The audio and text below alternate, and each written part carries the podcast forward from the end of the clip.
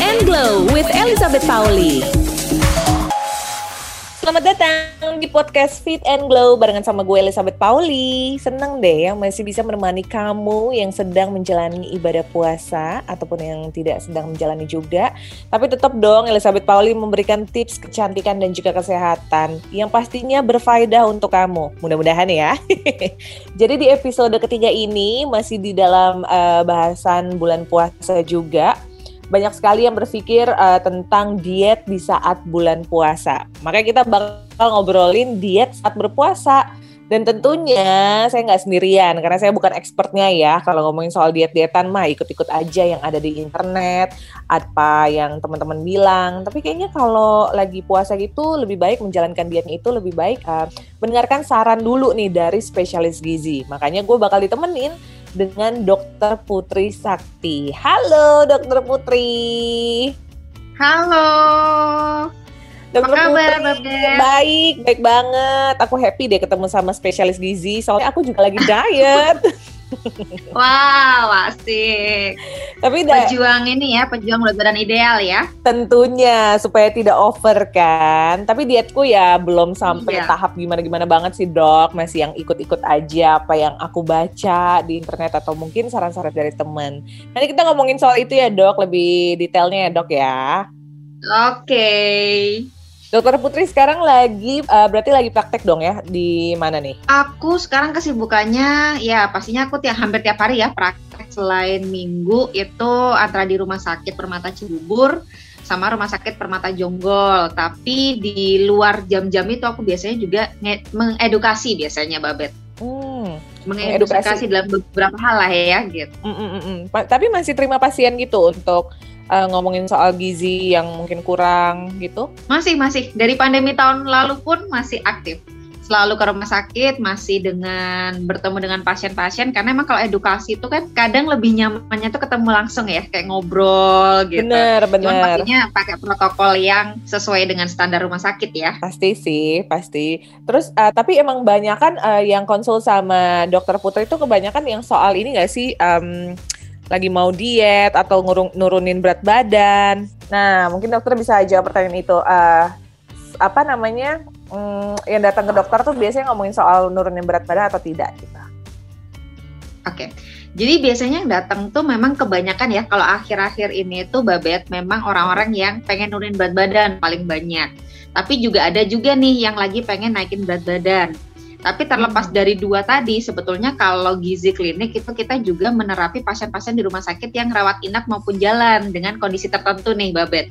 Misal hmm. nih datang karena dia bingung, dok kencing manis saya nih udah tinggi, kolesterol saya udah nggak terkontrol, misalkan seperti itu. Jadi kita hmm. benar-benar ke lifestyle, ke berbagai penyakit itu kita akan treat gitu. Nggak cuma oh. yang buat oh. nurunin berat badan aja ya. Wah menarik juga sih. Berarti ya hmm. ya benar-benar Berarti even ada orang yang mungkin berat badannya sudah ideal, tidak mempermasalahkan berat badannya, tapi juga pengen lebih sehat, ya kayak tadi dokter bilang, either gula atau mungkin kolesterolnya itu bisa dikontrol juga dan dikonsultasikan ke dokter Putri ya? Yes, benar. Karena kadang hmm. orang itu kalau ngitung nih, berat, berat badannya hmm. ideal. Tapi yeah. secara masa lemaknya dia berlebih, nah itu larinya ke kolesterol, kantor gula darahnya segala macam jadi nggak nggak bagus gitu. Ih, dokter ngomongin aku ya. Eh, puasa nggak boleh baper dong. Oh, iya. bercanda tuh dok. iya bercanda ya. Iya iya benar benar benar benar. I see I see I see. Dok, tapi kita ngomongin soal berat badan mm. lagi nih dok. Uh, kan okay. emang kebanyakan orang ya masuk bulan puasa tuh mikirnya ah ini waktunya saya diet, ini waktunya saya menurunkan berat badan mm. kebanyakan. Beberapa aja sih yes. ya. Nah, selain memanfaatkan momen, tapi juga emang mempertimbangkan kesehatan tubuh kita tuh uh, uh, apa namanya pas lagi puasa gini uh, supaya apa ya uh, mempertimbangkan supaya puasanya kalau emang mau nurunin berat badan itu juga tidak mengganggu kesehatan gitu. Tapi pertanyaannya okay. nih, emang emang beneran hmm. ya kalau lagi apa namanya lagi puasa kayak gini, emang kita bisa ya sekalian diet gitu? Emang boleh ya dok ya? Bisa banget tanpa pun kita tanpa kita punya keinginan untuk diet ya sebetulnya. Salah satu manfaat dari puasa itu juga untuk menurunkan masa lemak. Menurunkan masa lemak, otomatis kolesterol segala macam juga terkontrol dan tentunya kalau lemak turun kan berat badan ikut turun ya.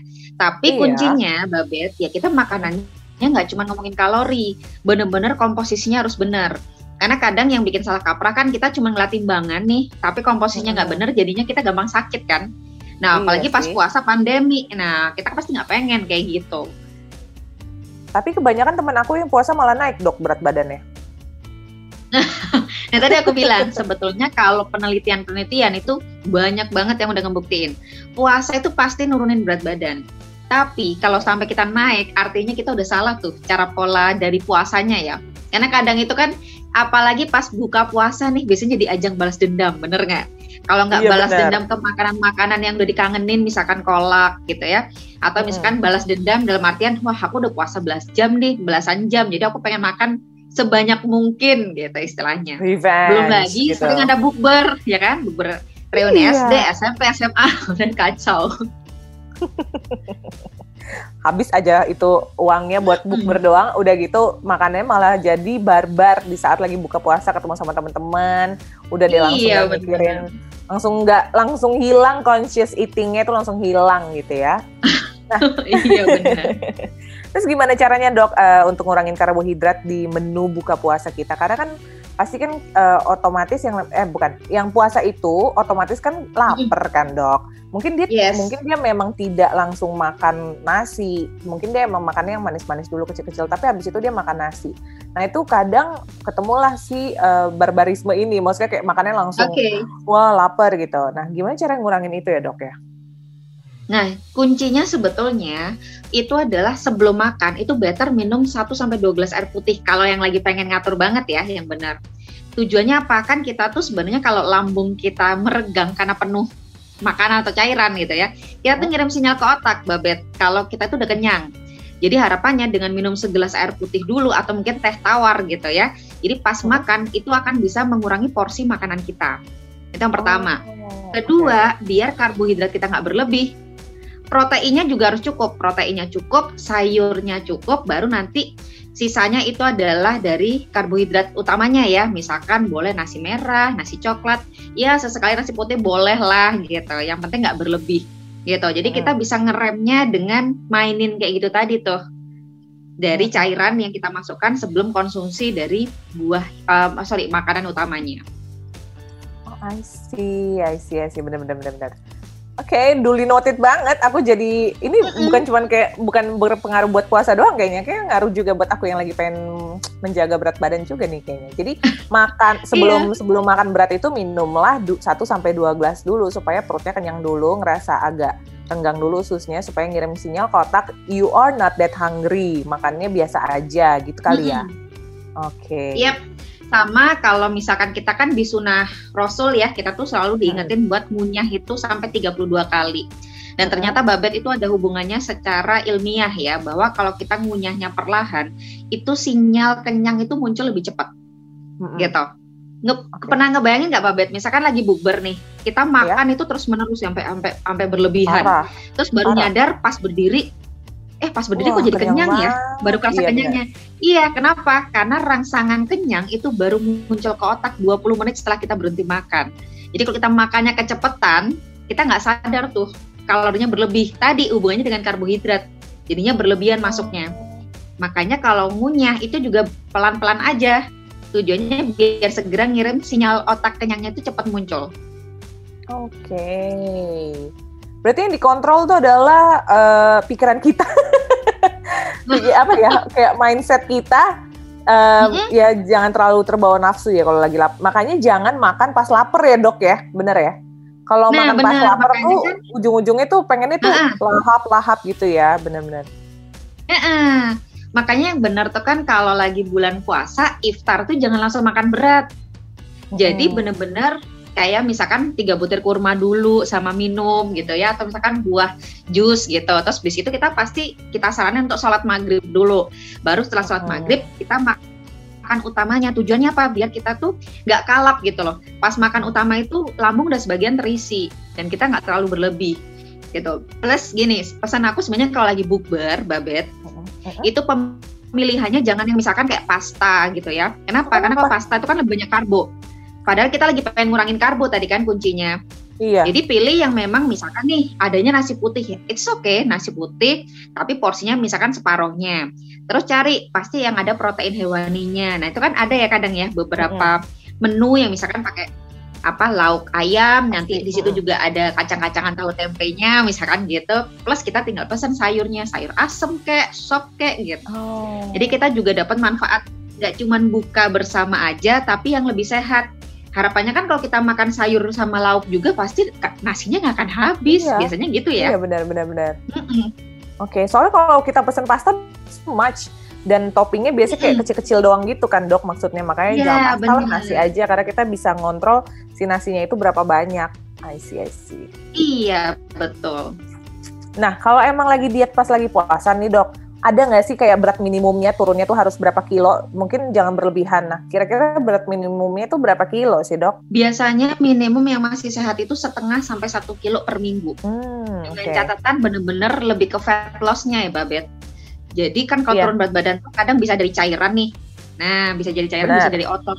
Nah, makanya kita fokusnya lebih ke lemak. Jadi protein jangan sampai hmm. kurang. Jadi iya, untuk benar. sahur ataupun buka puasa jangan sampai skip. Kan kadang ada orang nih babet karena pengen kurus atau turun berat badan saat bulan puasa iya. momentumnya gitu ya. Terus dia akhirnya iya. pas sahur jadi skip. Saya cuma sahur pakai air putih. Kuat kok seharian gitu. Kuat berat badan turun sih, tapi ototnya ikut turun itu kan sayang banget babet. Yang ada iya. nanti gampang sakit. Dan itu bukan tujuan iya, kita kan. Gizi. Mm -mm. Malah kurang gizi nanti ya dok ya. Oh, iya betul. Jadi satu sampai satu setengah kilo per minggu. Itu puasa doang. Maksudnya itu minimum iya. kalau bulan puasa setengah doang ya. sampai satu kilo per minggu. Kenapa? Oh setengah sampai satu kilo. Tapi kalau sebenarnya nggak -hmm. puasa itu normalnya juga segitu ya dok ya? Iya, mie itu udah paling minimal sebenarnya. Oh oke okay, oke. Okay. Minimal, I see, I see. Oke dok, sebelum kita lanjut lagi nih dok, aku pengen nanya-nanya lagi. Ini ada teman kita nih yang mau cerita, kita dengerin dulu yuk. Oke. Okay. Hai Babet, hai dokter Putri, saya mau tanya dok, sebenarnya makan terus tidur itu kan gak boleh ya dok, tapi ada yang terbiasa setelah sholat tarawih baru makan yang berat-berat, terus abis itu tidur. Itu efektif nggak ya buat orang-orang yang lagi diet? Nah, makanya gini, kalau kita mau nurunin berat badan ya di bulan puasa, kita juga harus ngontrol nggak cuman kalori aja nih Babet sebenarnya ya, tapi juga sampai ke jadwalnya harus benar. Nah, kalau jadwal yang tadi ditanyain itu kurang tepat. Yang paling bagus kita itu buka buka besarnya itu di antara sholat maghrib dan isyak Harapannya apa? Punya jeda waktu dari saat buka puasa, kemudian sholat, harapannya gitu ya. Jadi kita hmm. pas mau tidur itu makanan tuh udah mulai dicerna, udah mulai agak turun. Hmm. Selain ke untuk mengganggu penurunan berat badan, metabolisme jadi terganggu. Nanti salah satunya asam lambung juga gampang naik. Orang yang GERD bisa kambuh tuh kalau makanannya habis makan berat langsung tidur. Jadi itu nggak disaranin ya. Misalkan kita buka setelah tarawih. Tapi itu ngaruhnya ke kesehatan badan, bukan berat badan ya dok. Kalau kita habis berat makan langsung tidur. Dong. Oh berat badan, berat juga, juga ya dok ya. Karena kan, hmm, uh -uh, karena terlepas dari kalori, tubuh kita itu kan di malam hari itu basal metabolic rate atau kecepatan pembakaran kalorinya itu kan paling lambat ya, paling minim -hmm. gitu. Sedangkan kita makan kalori yang berlebih dan metabolisme itu ada waktunya Babet. Misalkan setelah sekian jam kalau dia tidak diolah ya dia akan disimpan jadi cadangan tubuh gitu. Hmm, oke okay, oke. Okay. Oh, I see. Ada ngaruhnya juga. Selama ini aku berdebat gitu, Dok, sama adek aku. Hmm. Aku kan pernah beberapa hmm. kali habis makan langsung tidur. Terus dia bilang, "Ih, nanti gendut." Uh -uh. Enggak kali, enggak ngaruh. Terus abis aku langsung tidur. iya, soalnya Ternyata masih banyak yang ya? saat kampanye antara gini ngelihatnya kan secara kalori nggak ada beda mau makan jam 12 malam jam 3 pagi jam berapapun gitu kan benar hmm. dari situ benar hmm. tapi metabolisme tubuh kita itu kan juga bekerjanya ada waktunya istilahnya gitu hmm. ada shift sifatnya yeah. lah gitu jadi kalau sampai kita habis makan langsung tidur salah satunya tadi selain ke efek kesehatan secara umum nanti kalorinya yang berlebih itu bisa langsung akan disimpan jadi cadangan tubuh karena pembakaran metabolisme tubuh kita tuh paling lambat pas lagi tidur betul, betul sih Duh aku jadi menyesal seumur hidup nih. Enggak dong, makanya kita ngobrol kan. iya betul juga. Dok nah, kalau em, nah aku ada pertanyaan, ada follow up question nih dok. Ini related banget sama orang-orang yang habis sahur langsung tidur. Mm-mm. Nah kan emang habis sahur ya pasti langsung tidur nggak sih dok ya? Dia kan soalnya mau bangun pagi lagi, pengen kerja lagi. Itu gimana dok? Berarti emang tidak dianjurkan sahur uh, berdekatan dengan jam tidur uh, apa jam tidur dong? Sebetulnya tidak dianjurkan. Makanya misalkan nih kalau yang kita sarankan ya sahurnya itu jangan mepet jam-jam mau imsak kasih jeda waktu biar ada apa namanya Berapa? lambung itu hmm. mencerna dulu waktu misalkan nih sarap apa sahur jam 3 gitu ya kemudian jam 4 udah berhenti setengah jamnya itu tinggal untuk menunggu kayak minum air putihnya gitu nah nanti hmm. dari situ kita sholat sholat harapannya habis itu mengaji dulu nah harapannya dengan ada jeda sekitar 1 sampai dua jam dari makan utamanya kita itu tidur hmm. tuh nggak masalah nanti tidurnya oh, misalkan okay. dari jam 5 sampai ke jam 6 gitu ya, baru setelah itu mempersiapkan untuk kerja. Kan kalau lagi bulan puasa kerjanya agak siangan kan? Iya, Biasanya benar. jam 8 gitu ya. Nah, itu manfaatin gitu. Jangan langsung habis apa habis uh, sahur terus langsung tidur. Nah, itu juga kurang bagus untuk kesehatan. Berarti kasih jeda satu jam ya, Dok, kayak tadi Dokter Putri hmm. bilang ya. Kasih jeda Betul. satu jam. Iya, iya nanti GERD lagi, gendut lagi, gimana mau diet nah, kan, habis itu. makan tidur. Benar. nah, ah, betul. Nah, dok, aku mau nanya lagi nih. Kalau diet itu kan makanannya biasanya yang perlu dipertimbangkan harus banyak proteinnya, banyak seratnya. Otomatis kan kita menyingkirkan karbonnya kan, atau mungkin kita pengen makan nasi tapi yang mungkin agak sedikit mahal kayak shirataki yang bagus banget untuk diet or something like that. Terus kita mm -hmm. mungkin makan proteinnya yang agak lebih fancy, misalnya ikan salmon atau pakai minyak zaitun okay. gitu kan. Ya tidak bisa dipungkiri, tidak bisa dipungkiri mahal itu sehat sebenarnya. Tapi sebenarnya dokter yeah. punya nggak sih kayak menu diet-diet yang murah untuk bulan Ramadan ini? Banyak banget dan semua tuh bisa kita dapetin murah meriah dari abang sayur sebetulnya Babet. Contoh hmm. nih ya, kadang tuh orang nyari salmon itu kan lebih ke omega 3, bener nggak? Iya. Selain protein. Nah, sebetulnya ikan kembung itu kan murah meriah ya. Dia kadar omega 3-nya sama tingginya sama ikan salmon. Cuman kita kadang itu udah terdoktrin kalau omega 3 itu pasti adanya di salmon gitu. Oh iya iya iya iya. Jadi ya, itu sebenarnya banyak yang banyak makanan hmm? substitusi yang kita sangka itu adalah menu diet mahal padahal sebenarnya substitusi dari itu tuh kayak ada aja di warteg atau ada, di ada banget di pasar gitu ya. Betul ada di mana-mana. Sayur juga banyak yang me membuat kata-kata superfood istilahnya ya. Jadi kayak mm -hmm. seolah-olah sayuran tertentu misalkan kale, misalkan mm -hmm. dia jadi harganya mahal banget gitu ya karena dia superfood. Padahal sebetulnya semua jenis sayur itu punya kandungan antioksidan masing-masing. Jadi kale tinggi di antioksidan tertentu. Nanti di sayur yang lain, misalkan kol ungu dia punya antosianin yang tinggi. Jadi berbeda dengan antioksidan yang ada di kale. Jadi kita sebenarnya nggak harus yang mahal. Kalau mau kandungan yang kayak kale, kita bisa dapat brokoli di abang tukang sayur jadi nggak usah khawatir, kita bisa dapat dari kangkung, bokcoy misalkan gitu. Nanti terus murah meriah lainnya misalkan apa? Misalkan kita campur dengan sayur warna-warni ya. Wortel, wortel tuh punya beta karotin, antioksidannya juga tinggi dan murah meriah kan? Oh my ya. god. Hmm, aku baru ketemu jamun. dokter di saat aku sudah menghabiskan beberapa rupiah untuk menu-menu mahal itu. iya, makanya orang-orang tuh selalu uh, berpikirnya adalah menu sehat itu adalah yang mahal. Padahal enggak. Kita tuh benar-benar bisa manfaatin semua yang ada di lingkungan kita dengan mudah dan meriah, murah meriah gitu ya. Tinggal kita iya, pinter-pinter yeah, yeah. mainin mix and matching gitu loh. Iya sih, iya sih. Ah. Berarti berarti sebenarnya dok, kalau emang mau diet yang sempurna, kita tuh juga lihat hmm. kandungannya ya dok ya. Jadi kalau misalnya Harus emang dong.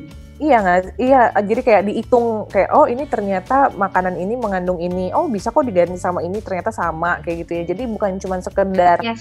uh, nyari apa namanya nyari catering catering sehat yang a little bit expensive mm-hmm. ya mungkin padahal kita sebenarnya yes. bisa nyiapin sendiri di rumah gitu kali ya dok ya. Benar.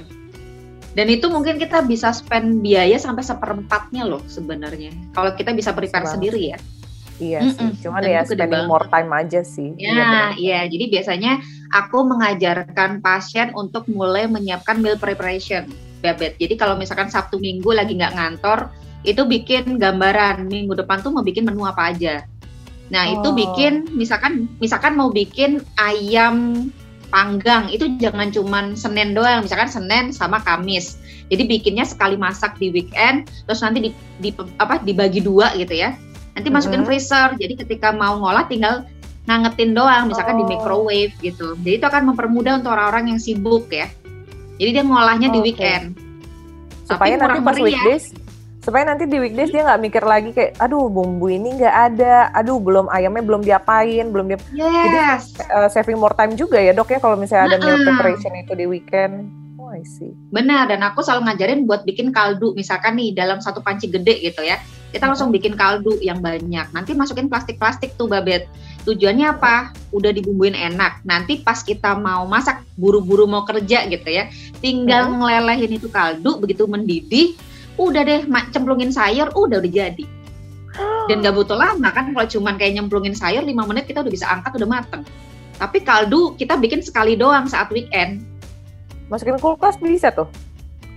Bisa asal freezer ya kalau oh, freezer, freezer dia tahan okay. lebih lama ah, oh. makanya aku bilang tadi kalau kan nggak semua orang punya freezer yang gede jadi uh. biasanya aku memberikan spare sampai seminggu atau lima hari lah paling nggak membantu tentu di weekend itu untuk dia prepare di hari-hari yang sibuk dia nggak ter dia bisa tetap makanan sehat enak ngolah sendiri tapi dia nggak ribet gitu setiap harinya oh oke oke oke oke ah ini sangatlah berharga ya ampun informasi ini aku happy banget bisa tahu ini ke mana aja lo bet bet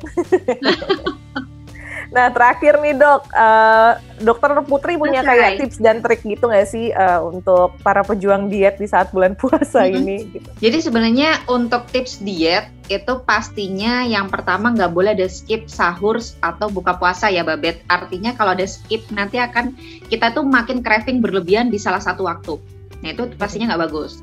Kemudian juga pemilihan kita juga harus tepat ya. Artinya memang karbohidrat kita tetap perlu Cuman jangan yang misalkan produk tepung itu agak kurang-kurangin. Kalau lagi pengen nurunin berat badan pas bulan puasa pastinya ya. Hmm. Misalkan nih dibanding tadi milih pasta ya pilih aja yang misalkan nasi putih gitu kan. Hmm. Di mana yeah. seratnya lebih tinggi misalkan. Atau jangan lupa proteinnya juga jangan yang terlalu berlemak, pilih yang paling lean. Itu akan ngebantu banget.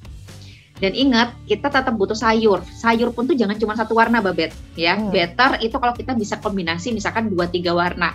Misal nih bikin sop ada wortel warna orange, ada buncis warna hijau, nanti tambahin putihnya dari kembang kol gitu. Biar hmm. vitamin mineralnya tuh komplit. Tujuannya apa? Tujuannya biar kita itu kalau namanya pengen nurunin berat badan dengan nutrisi yang seimbang, itu kan kita harapannya apa? Vitamin mineral dan juga makanan kita konsumsi itu kerjanya tuh kayak apa ya puzzle gitu. Nggak ada salah satu kan nggak bagus puzzlenya nggak jadi. Sama kita juga dalam konsumsi makanan untuk diet pun itu harus ada semua dari segi nutrisi. Protein nggak boleh skip sayur buah nggak boleh skip, karbo juga nggak boleh skip. Tujuannya biar kita bisa turun berat badan tapi ideal. Nah, tinggal pinter tips-tipsnya tadi, Babet. Jadi kalau lagi mau buka puasa, coba deh minum air putih dulu, biar bisa mengurangi porsi yang tadinya misalkan nih lagi pengen gorengan. Kalau kita minum segelas sampai dua gelas dulu, dijamin deh nggak bakal bisa sampai tiga gorengan udah udah udah begah duluan ya nggak sih Babet? Udah begah duluan gara-gara minum air dulu ya. Ah, bener. Plus yang mau aku ingetin dari tadi kan kita bahas nutrisi doang nih, Babet.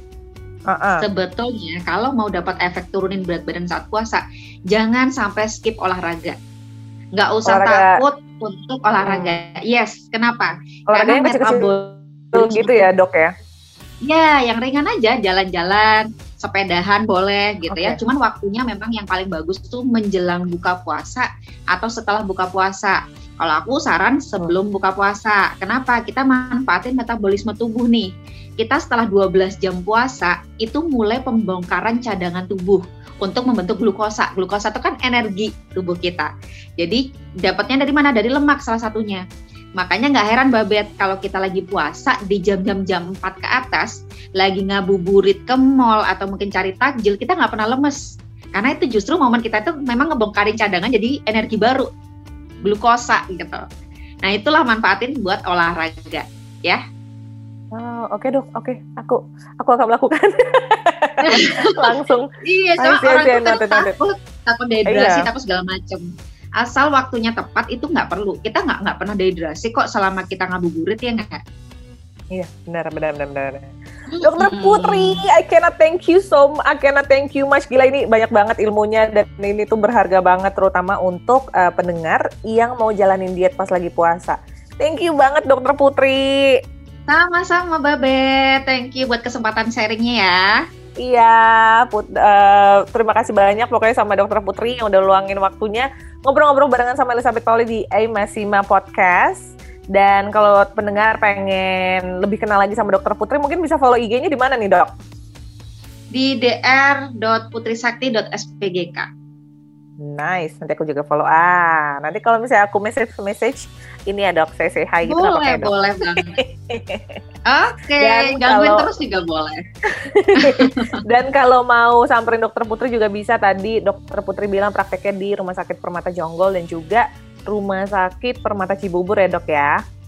Yap, dan juga di klinik di Senayan uh, oh, di JLA.